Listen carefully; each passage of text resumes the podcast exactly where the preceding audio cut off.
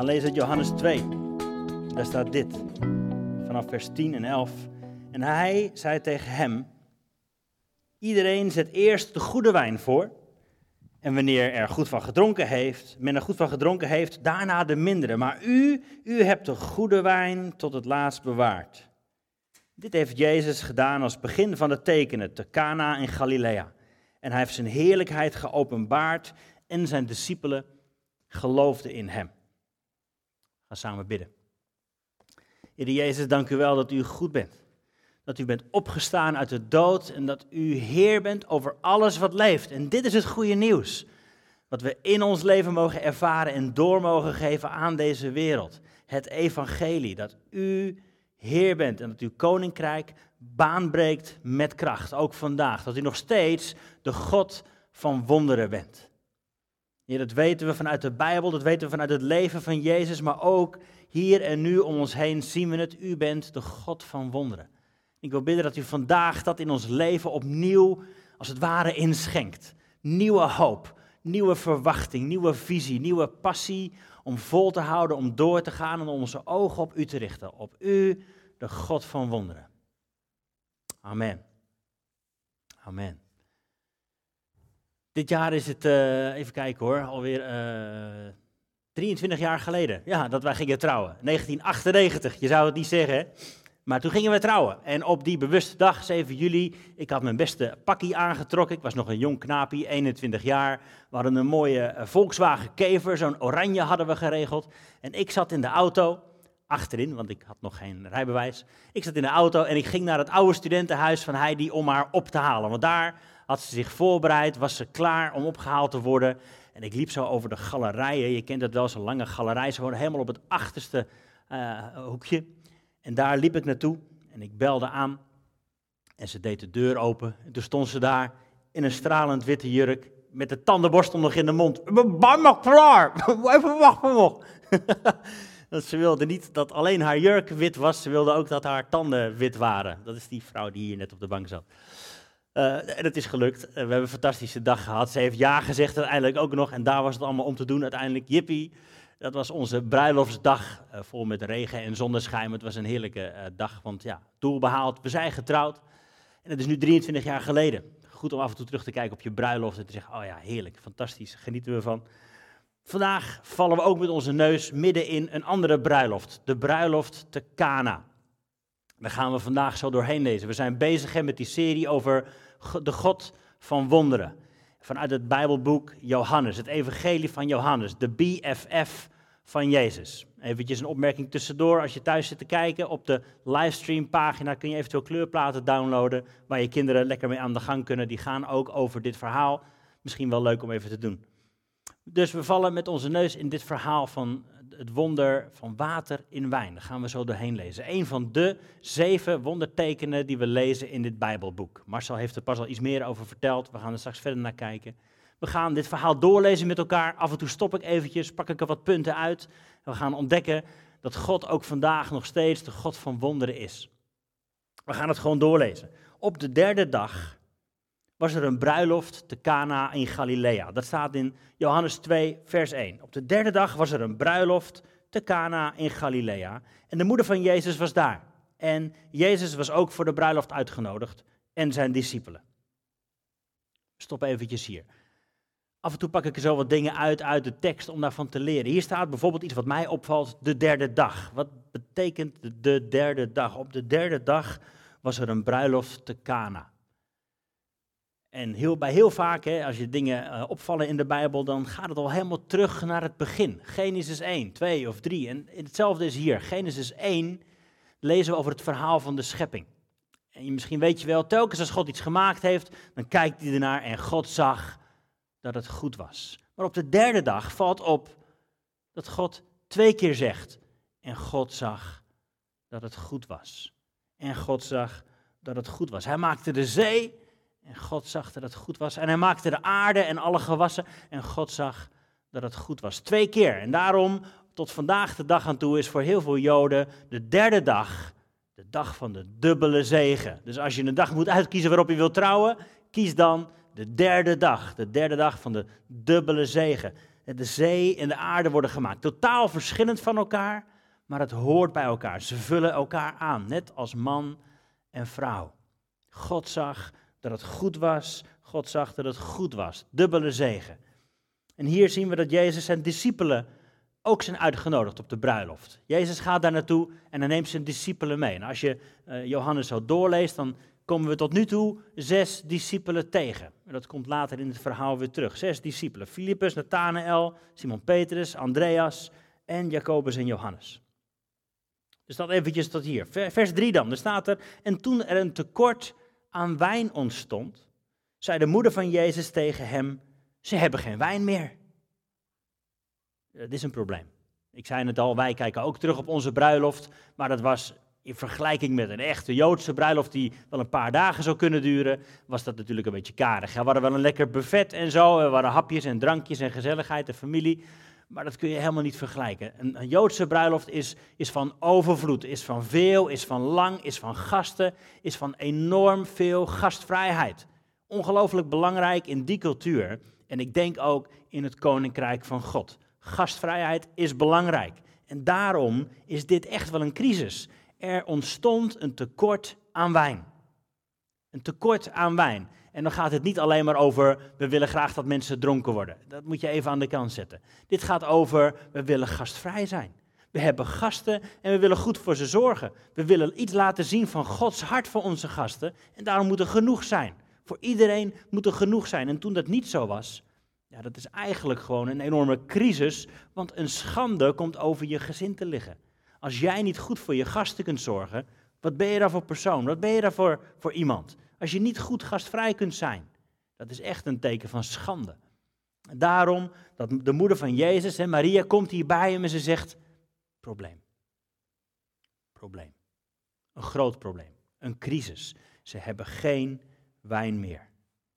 Moet je het je voorstellen. Ik zag het pas toevallig terug op die serie, The Chosen. Ik weet niet of je hem al kent, maar echt een aanrader, The Chosen. Uh, moet je eventjes op googlen, dan kom je een fantastische serie tegen. Het is niet zomaar nog zo'n Jezus-serie, het is echt fantastisch in elkaar gezet. En daar speelde zich dit verhaal ook af. Een groot probleem, een crisis, schande. En dan gaat Maria naar Jezus en ze zegt, ze hebben geen wijn meer. En dan zegt Jezus in vers 4 dit. Jezus zei tegen haar: Vrouw, wat heb ik met u te doen? Mijn uur is nog niet gekomen. Klinkt niet zo vriendelijk, hè? Wat heb ik met u te doen? Mijn uur is nog niet gekomen. Dit is in het boek van Johannes het eerste wonder van Jezus. En hier gebeurt iets wat uh, ja, eigenlijk onomkeerbaar is. Jezus weet, als ik nu ga beginnen, dan wordt het heel openbaar dat ik gekomen ben en dat de wonderen gaan gebeuren. En hij, hij, wist, het is nog niet mijn tijd om te gaan sterven. Dat bedoelt hij daarmee. Mijn uur is nog niet gekomen. Het is nog niet de tijd om te gaan sterven. Hij deed eigenlijk heel veel in het verborgene. Dat lees je ook wel eens terug. Hè? Dat Jezus iemand heeft genezen en dat hij zegt, vertel het nou even aan niemand. Hou het nog even stil. Want hij wist ook, dat gaat aandacht trekken. En voor je weet, wordt hij al opgepakt. Het is nog niet mijn tijd om te sterven. Mijn tijd is nog niet gekomen. Maar, vers 5, zijn moeder zei tegen de dienaars wat hij ook tegen u zal zeggen, doe het. Wat Jezus ook tegen je zegt, doe het. Wat een advies.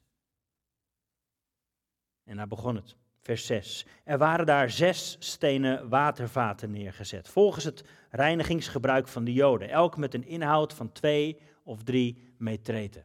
Ik zei al, Jezus had zes discipelen meegenomen. Onthoud dat. En hier zien we zes watervaten. Dat is niet toevallig. Zes discipelen en zes stenen watervaten. Jezus gaat hier iets bijzonders doen. Er staan watervaten die, staat hier, volgens het reinigingsgebruik van de Joden waren neergezet. Dit zijn vaten waar mensen zich mee konden wassen. Dat is belangrijk in die tijd. Je moet je goed wassen. Voordat je aan tafel gaat, voordat er rituelen of gebruiken worden gedaan, goed wassen. Dus die stenen vaten stonden daar klaar met elk een inhoud van twee of drie metreten. Dat is ongeveer tussen de 5 en 700 liter. Die stonden daar klaar. En Jezus zei tegen hen, vers 7, vul de watervaten met water. En ze vulden ze tot aan de rand. Ze deden wat Maria had gezegd. Wat hij ook zegt, doe het. Ze vulden ze tot aan de rand. En toen zei Jezus, schep er nu iets uit en breng het naar de ceremoniemeester. En ze brachten het naar de ceremoniemeester. En tot hier denk je, wat is dit nou voor gebedsverhoring?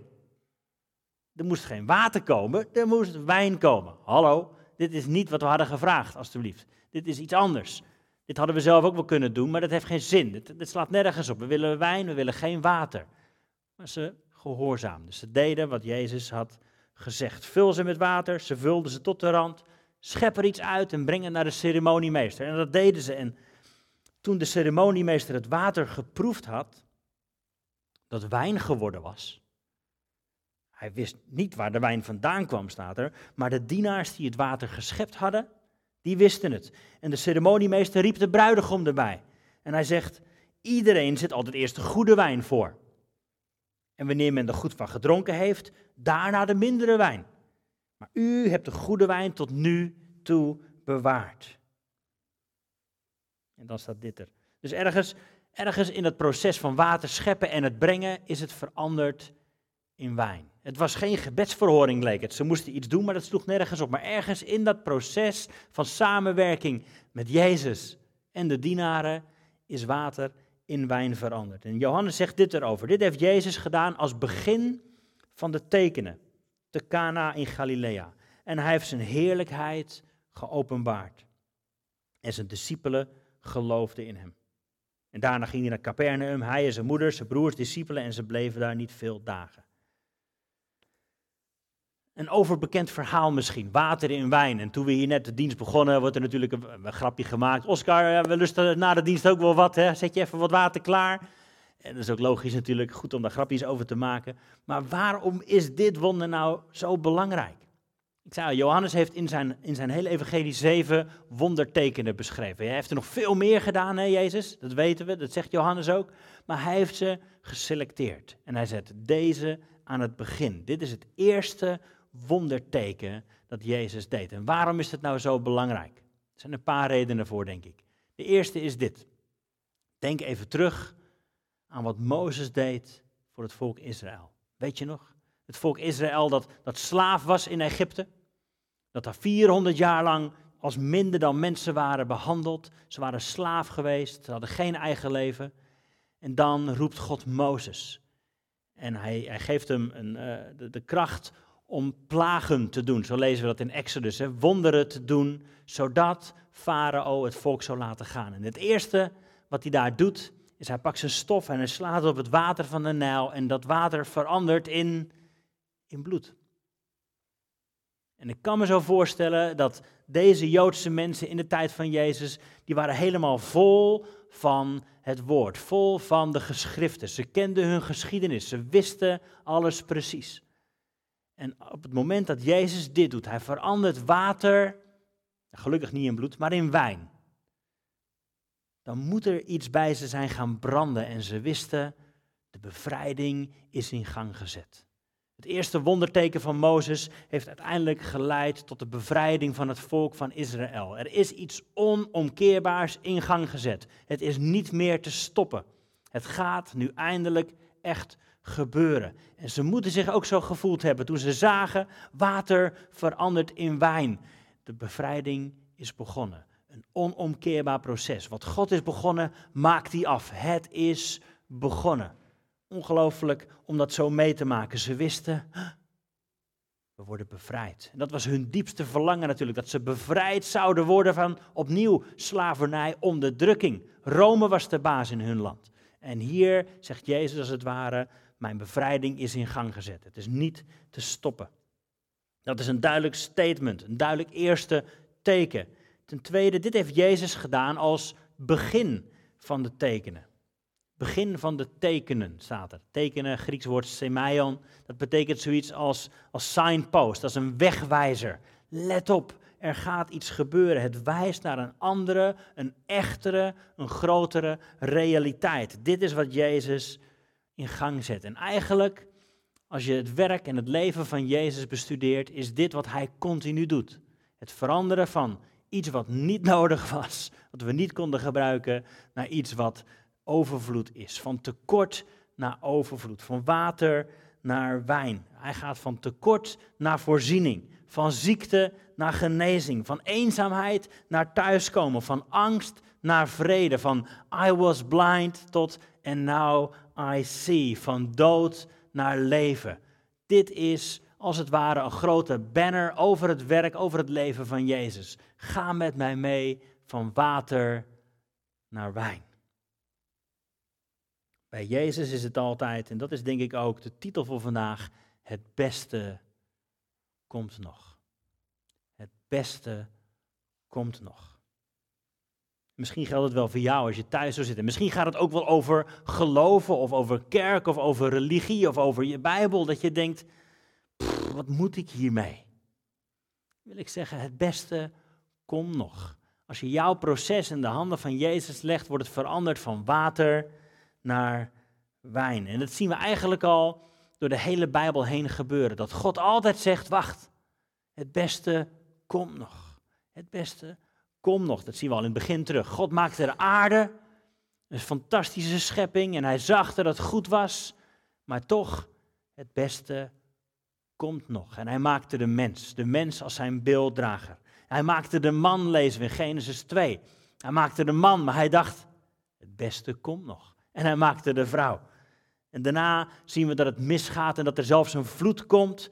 Maar God zegt, wacht, het beste komt nog. En hij geeft Noach met zijn gezin een nieuw begin. En we gaan door naar Abraham, die, helemaal, die, die op zich met God wandelt, maar ook fouten maakt. En we zien dat Ismaël geboren wordt, wat niet volgens Gods plan was. Maar God zegt, wacht, het beste komt nog. En Isaac wordt geboren. We zien dat uiteindelijk het volk in Egypte terechtkomt, vertelde ik net al. Slavernij, maar God zegt, wacht, het beste komt nog. En hij stuurde een babytje, Mozes. En hoewel Mozes ook fouten maakte en uiteindelijk in de woestijn terechtkwam in zijn uppie en gedesillusioneerd was, verschijnt God bij een braamstrak en hij zegt, Mozes, het beste komt nog. En hij stuurde Mozes erop uit om bevrijder te worden. En het gaat maar door, het gaat maar door. Dat zien we door heel de geschiedenis van Israël. Ook al maken ze fouten, God zegt wacht. Het beste komt nog. Het verhaal is nog niet voorbij. Zelfs na ballingschap, overheersing, onderdrukking, overheersing door, door Rome. Het beste komt nog. Het beste komt nog. Fantastisch, dat lied wat we net ook zongen. You, gave, you brought me from morning to dancing. From beauty and ashes. For shame and glory. God gaat altijd door met wat we hebben, water, maar hij, hij zegt het beste kom nog. Heerlijkheid kom nog. Het beste kom nog. En ik zei al, in Johannes worden zeven wondertekenen beschreven. Maar eigenlijk zijn het er acht. Ik noem ze eventjes kort. De eerste is deze, Johannes 2, de bruiloft in Cana, water en wijn. Daarna zien we de zoon van de hoveling die genezen is. Vorige week vertelde Willem daarover. Of in hoofdstuk 5, Bethesda, Marcel vertelde daarover. De, iemand die genezen wordt, die al 38 jaar ziek was, lam was, niet kon lopen. Hoofdstuk 6, de wonderbare spijziging of lopen op water. Hoofdstuk 9, de genezing van de blindgeborene. Volgende week horen we meer over van Alfons.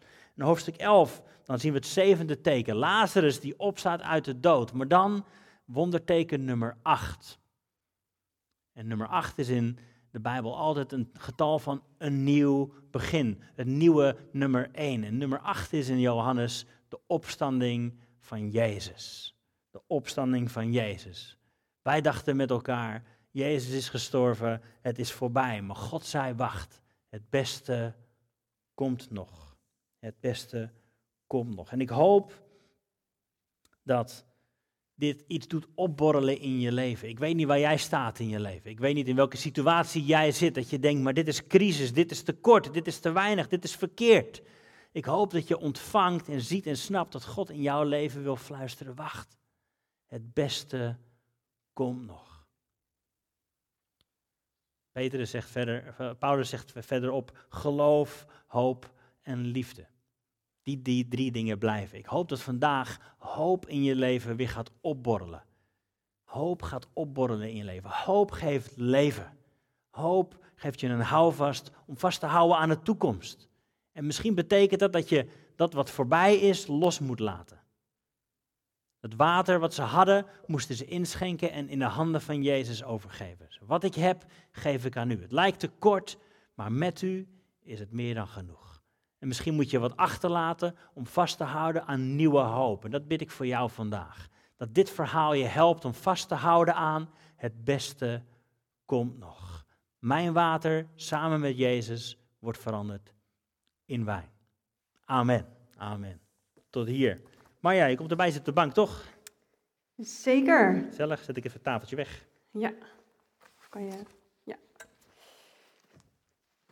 Wat voor de kijker thuis nog uh, leuk is om te weten, Oscar, jij gaf net een aan in jouw, uh, in jouw verhaal over hè, gasvrijheid. Dat was echt uh, super belangrijk. En um, we hebben het net gehad over Connect Care, dus ook super gasvrij als je er voor mensen bent en, en daarmee bezig bent. En het, het is al super gaaf, even mensen, er is al op gereageerd.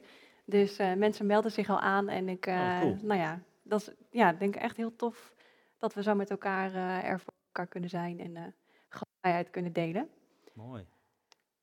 Het, het beste komt nog. Ja. Ehm, ja, en, en dat beste is, nou ik denk dat we dat allemaal kunnen raden wat dat beste is, maar dat beste is, dubbele punt. Ja, ik denk dat het uiteindelijk voor iedereen ook wel weer anders is. In jouw leven is het wat anders dan in mijn leven. Ehm, ik denk dat onze, onze valkuil is uh, om alleen maar te denken aan later als ik dood ben, ga ik naar de hemel. Mhm, mhm. Uh, Natuurlijk is het het beste, zegt uh, Paulus ook, om bij de Heer te zijn en wakker te worden in de nieuwe schepping. Dat is een fantastisch vooruitzicht natuurlijk. Ja. Um, maar ook hier en nu geloof ik dat God nog steeds de God van wonderen is die bijzondere dingen wil doen. Um, ook al zien we dat nu niet. Een klein, klein persoonlijk voorbeeldje is, is toen we jaren geleden. Um, toen uh, hij die was van plan geweest om te gaan werken. Hè. We hadden wat jonge kinderen, ze ging werken.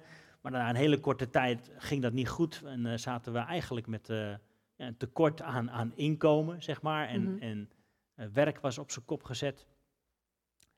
En um, toen had ik, ik had een paar dagen mijn baan opgezegd omdat hij die kon gaan werken. Hè, zo, een beetje die constructie. En toen had ik in één keer een dag in de week over.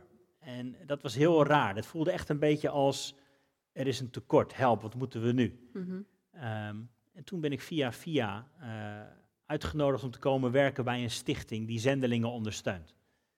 En ach, terug, terugkijkend op ons leven is dat echt een kantelpunt geweest. Dat we zien, ja, maar daar, dat is een stap geweest waarin we, uh, wat Maria zei, wat hij u zegt, doe het, gehoorzaam. Ja. En dat was een stap in gehoorzaamheid. Uh, ook wel weer eng. Maar dat is echt wel een kantelpunt geweest, waardoor we uiteindelijk nou, bijbelschool zijn gaan doen in Denemarken. En waardoor we uiteindelijk zijn verhuisd en is een, een kerk hebben mogen planten. Mm -hmm. uh, maar dat begon met een gevoel van crisis. Oh, help. Ja. Dus voor, dat is bijvoorbeeld iets waar, waarvan wij terugkijken en zeggen: hé, hey, maar God heeft dat water in wijn veranderd. Dat was een tekort, dat was een crisis, dat heeft hij in wijn veranderd. Nou, dat zal voor jou weer anders zijn, Ja. denk ik. Uh, misschien Ja. in jouw leven. Het beste komt nog. En dat geloof ik nu ook. Ik denk dat het ook een levenshouding is. Hm, Dat mooi. je altijd Ja. verwacht, ja, het beste ligt niet achter me. Mhm. En volgens mij kun je dat ook nog verwachten als je 80 bent. Hij Ja, noemde dat net, hè, die, die eh. oudere vrouw. Je hebt nog zoveel wat je kunt uitdelen aan de volgende generatie. Dat is misschien wel het beste wat je kunt doen ooit. Hm. Volgens mij is dat de beste houding die je kunt hebben. Beste komt nog. Corrie ten Boom is een uitspraak van haar. Ja. Nou, dat was een oudere vrouw natuurlijk. En zij zei dat altijd. Het beste komt nog. Ja. Nou, Nou ja, het, het geeft ook heel veel hoop, hè? Als je even dan een Corrie ten Boom eh, bedenkt. ja. Eh, als je dat eh, steeds weer opnieuw zegt, dan, en je weet in welke situatie zij zat, dan, Ja. dan geeft dat ook heel veel hoop. En dan geeft het weer nieuw leven om verder te kunnen gaan. absoluut. absoluut. Dus ja. eigenlijk het moment dat jij je zei, ik ga acht uur minder werken, dat was het jullie acht, zeg maar, om Ja. te zeggen een nieuw begin, een nieuwe start. Absoluut, ja. Ja. ja. En ehm, als het gaat over, ja, eh, ja, we kijken, we kunnen overal mee bezig zijn. eh, ja, misschien willen we wel een nieuwe baan of eh, misschien zitten we met, met een ander moeilijk iets waar we nu tegenaan lopen. Ja. Hoe leren we dat dan om steeds dat beste te blijven, ja, daarnaar te blijven streven? Het beste voor, ja, ja. Nou, het eerste is denk ik om aan te sluiten bij dat wat Maria zegt. Wat hij ook zegt, doe het. Dus dat betekent eh, je ogen op eh, en je oren op Jezus gericht houden. Dus wat Ja. zegt hij? Willen, kunnen we zijn stem verstaan? Kunnen we hem vertrouwen? Dus eh, mooi, hè? je kondigt net, net aan die, die, het seminar of webinar voor vanavond en morgen Mhm. over Gods stem verstaan. Weet je, voor sommigen van ons is dat iets nieuws, iets engs, ja, maar ben ik wel belangrijk dat God tegen mij praat, weet je wel? Ja. ja dat is denk ik echt wel key. Luisteren naar wat hij zegt, doen wat hij zegt. Ook al gaat het tegen je gevoel in. Eh, dus dat, dat is denk ik een sleutel. En het andere is, ehm Jezaja staat het, hè? They that wait upon the Lord. Zij die de Here verwachten of wa- wachten op de Here. Mhm. Ehm, Maar ook actief wachten is nou dat... ja, dat eh, ja, precies. Wachten is meer dan alleen maar, nou, wachten, weet je wel. mhm. Maar je houding terwijl je wacht. In het Engels is het natuurlijk mooi, hè. Een, een, een, een ober is in het Engels een waiter. Mm, ja. is iemand die, ja, maar die wacht niet tot jij je drankje krijgt. Nee, die gaat aan de slag. En Mhm. die gaat actief zelf stappen ondernemen. En dat is denk ik ook wel een sleutel. Bezig zijn met dienen. Mm. Ook al ben je aan het wachten, ik zet me in voor dat wat God aan het doen is. Eh, dus niet passief, maar inderdaad actief aan de gang. Dat, Luisteren, openstaan. dat zijn twee grote zoeken. sleutels, denk ik. Ja. Ja. Luisteren naar Gods stem en gehoorzamen, maar ook actief dienen. Wat niet, wat heb ik allemaal niet en wat, wat is mijn tekort, maar dat wat ik wel heb, het water wat ik wel heb, Mm. dat geef ik aan Jezus. En water plus Jezus is meer dan genoeg. is goede wijn, schijnt. Ja. Ik heb ondertussen vragen vanuit de chat gekregen. Cool.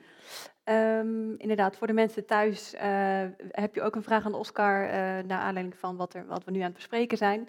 Dan kan je dat nog in de chat zetten. Ehm, ik heb in ieder geval nu een nieuwe en die ga ik even aan jou vragen. Ja. Het beste komt nog. Hm. Hoe houd je daar focus op, los van je omstandigheden? En dat is een beetje wat we net hebben gezegd, maar hoe hou je die focus nou vast? Ja. Ja, soms, eh, soms weet je wel wat het beste is. Heb je echt een belofte van God in je hart, maar soms heb je ook geen idee natuurlijk. Dus ik denk dat eh, een belangrijke sleutel is om niet alleen maar te kijken naar dat wat God wil geven, maar naar degene die God zelf is. Ehm, en eh, dat helpt je. Ook al weet je niet per se waar je op hoopt, je weet wel op wie je hoopt. Mhm. Dus ik denk dat dat, nou, wat, wat waar we net inderdaad ook over hadden, je, je ogen op Jezus gericht houden. Eh, en aanbidding en dankbaarheid is denk ik een ongelofelijke sleutel. Hè. We hebben een paar maanden geleden natuurlijk ook naar gekeken. Ja. Dus In eh, I'm gonna sing in the middle of the storm, dat liedje. Hè. I'm, Mhm. Raise a hallelujah, sing a little louder. Dat, dat, dat helpt zoveel. Dat je midden in je om- omstandigheden, twijfels, zegt oké, ik, weet, ik weet niet hoe dit verder moet, maar ik weet wel wie er met mij is. En dat is wie Jezus is. Eh, en soms betekent het ook wel dingen loslaten dus, waarvan je dacht, ja maar God, u wilde het toch op deze manier doen. En dat zien we bij deze dienaren natuurlijk ook terug. Ja, we wilden wijn, hallo, we willen geen water, Mhm, we willen mhm. wijn, zorg maar voor wijn. Ja. Eh, dus wel flexibel meebewegen. Dus wat is nou het allerbelangrijkste? Dat is Jezus zelf en de manier en de vorm laten we los, want dat weten we toch niet zo goed. Ja. Ja. Maar het ergens ook wel, ik vind het ook wel heel mooi klinken, omdat het, eh, nou ja, het is natuurlijk heel mooi, maar eh, het zorgt ook dat het altijd dicht bij jezelf blijft, maar ook dicht bij God daarin. Mm. Eh, en ik heb het idee dat, eh, nou ja, God is daarin gelukkig ook niet in structuren te vatten of Nee. hè, we moeten dit doen om dat beste te krijgen. Dat is het idee wat je soms Hmm. in de wereld wel een beetje ziet, tenminste, hè, die maakbaarheid van, oh, als je dit doet, dan dat, en als je hebt, Nee. nou, Nee. maar Ja, je alles... ziet ook terug in het leven van, van, van Paulus, sorry, die, die, die wilde een bepaalde kant op. en dat hij in een droom wel wist van, nee, maar die kant mag ik niet op. De Heilige Geest verhinderde ons, wordt er gezegd. Eh, of, eh, eh, dat lezen we best wel vaak in de Bijbel. Ja, wij hebben dit idee en we gaan die kant op, maar God stuurt bij en we voelen dat we een andere kant op gaan. Maar hij, hij ging niet zitten sippen daar, zo van, ja, maar dit wou ik doen en nou mag het niet en stom. ja. Nee, ik, ik beweeg met God mee. Ja. Wat kan er allemaal nog wel? En er is heel veel wat nog wel kan. Ja. Ja, mooi, gaaf. Een nieuwe vraag voor jou binnengekomen. Hoe houd je deze levenshouding vol als je zo lang wacht op het beste dat gaat komen? Ja. dus dat, toch mensen ervaren denk ik dan ook wel eh, dat het soms Mm. heel lastig is. Ja, Ehm, nou ja, we zeiden net al, joh, eh, luister en, eh, Mm. en wacht actief, ja. zoals die waiter. Maar ja, ja, precies. Nou, een, een mooie, mooi voorbeeld is denk ik eh, Simeon en Hanna. Bij de geboorte van Jezus, twee hele oude mensen, lees je ervan dat ze Jezus als babytje zien. Dat was de belofte die ze in hun hart wisten. Ik ga niet sterven voordat ik de verlossing van Israël heb gezien. Maar in hun geval was het misschien wel dat ze 60 of 80 jaar aan het wachten waren. Mhm. Dat is best een poos. Maar ze waren in de tempel te vinden.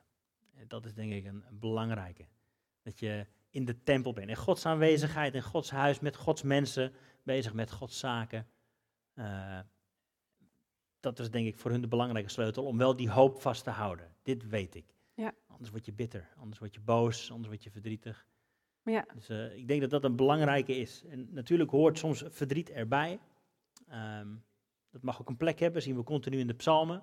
wees daar eerlijk over naar God. Zeg, ik vind nu wel heel erg irritant en lang duren, maar ik weet dat u trouw bent. Hm. En dat, dat stukje dankbaarheid, aanbidding, tempel, zeg maar, Gods, Gods aanwezigheid, ja, zonder ga je het niet redden, zeg maar. Hm. Ja, het, het, geeft natuurlijk ook een stukje hoop en een stukje troost eh, in die momenten van storm. ehm, maar ook als het goed gaat, Mm, dan, dan is het weer, nou ja, proost. We, we, zijn blij, we hebben vreugde en dat delen we. ja. Ja, gaaf. Absoluut. Ja. Ja, en een andere belangrijke ding, ook als je juist in de tempel bent, dan ben je nooit alleen maar gericht op je eigen noden of zo. Dus het is vaak ook het beste, als je, als je echt diep in de put zit, het beste wat je misschien kunt doen, is zeggen, oké, hoe kan ik er voor iemand anders zijn? En mijn ogen even van mezelf afhalen. en natuurlijk zijn er tijden dat het te overweldigend is en dat je het nodig hebt om te ontvangen. Mhm. Maar als, als basisregel, als houding, is het heel krachtig om te zeggen, oké, wat, wat kan ik uitdelen? Ja. ja. En de laatste vraag. ehm, wat, is, eh, ja, wat is denk je echt, echt het belangrijkste van vandaag? Dat je Hmm. iedereen toewenst dat we dat morgen gaan zien. Dat is natuurlijk een beetje een grote vraag. Maar Nou, ik denk dat we, zijn geroepen als mensen van hoop, een levende hoop. Eh, dat, is, dat is wie Jezus is, dat is wat, wat wij in ons leven mogen meedragen. Ehm, maar dat betekent ook iets in, in de woorden die we spreken. Dus het is heel, heel makkelijk. Ik ben opgegroeid in een voetbalwereldje en dan ben je lekker snel cynisch en een beetje zeiken en zeuren en eh, alles is stom. Ehm, en dat kan ook een beetje een levenshouding worden. Maar de woorden die we spreken en de manier waarop we naar mensen en situaties kijken. Ik denk, ah, als we dat stukje cynisme kunnen omruilen voor hoop. Ook als we kijken naar mensen of naar situaties of in ons werk of naar die collega. Dan kun je zeggen, joh, dat wordt nooit wat. Of je Mhm, kunt zeggen, mhm. ja, maar er is iets in die persoon en daar heb ik hoop voor, weet je. Ja, gaaf. deze samenwerking of voor, voor ons leven. Eh, dus niet, niet bitter worden, maar, maar hoopvol blijven. En ik, geloof, nou, ik geloof dat dat echt iets is wat God in ons leven wil, wil uitgieten vandaag. Nieuwe hoop, verse hoop voor, voor de toekomst. Niet alleen maar later, als we sterven, maar ook hier Hm. en nu op aarde. ja, Als we nog niet gestorven zijn, is God nog niet klaar. Heeft hij nog het beste voor ons liggen. Gaaf. Amen. Als we nog niet gestorven zijn, heeft God het beste nog voor je liggen. Amen.